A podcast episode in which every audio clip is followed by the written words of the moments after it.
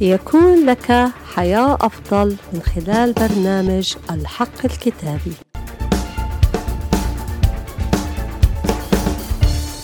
حقيقة اليوم الكتابية بعنوان النصرة أكيدة في هذه المعركة.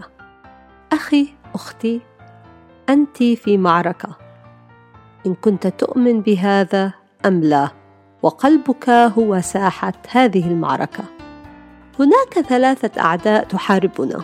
أولاً إبليس ثانياً الجسد وثالثاً العالم الذي هو شهوة الجسد شهوة العيون وتعظم المعيشة.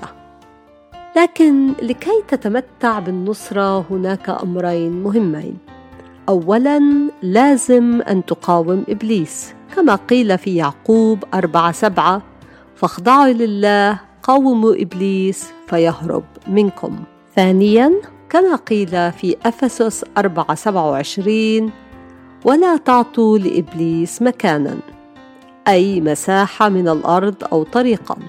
عندما يكون في قلبك غيره مرة ولم تعترف بها ولم تحكم عليها فأنت تعطي مكانا للعدو.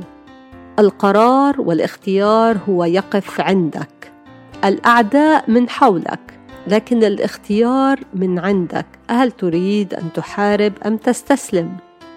في عبرانيين 12 4 إلى 5 الكتاب المقدس يقول لنا لم تقاوموا بعد حتى الدم مجاهدين ضد الخطية. وقد نسيتم الوعظ الذي يخاطبكم كبنين. يا ابني لا تحتقر تأديب الرب ولا تخر إذ وب أخك. لك الاختيار لكي تحارب وتقاوم وتخضع لله كابن له. صلي معي هذه الصلاة. يا رب برغم الحروب والأتعاب أنا أختار أن أحارب وأقاوم وأربح معارك ليس بقوتي لكن بقوة الرب يسوع المسيح. أشكرك يا رب لأنك سمعت واستجبت باسم الرب يسوع المسيح. آمين آمين. يبارككم الرب في حلقة جديدة من برنامج الحق الكتابي.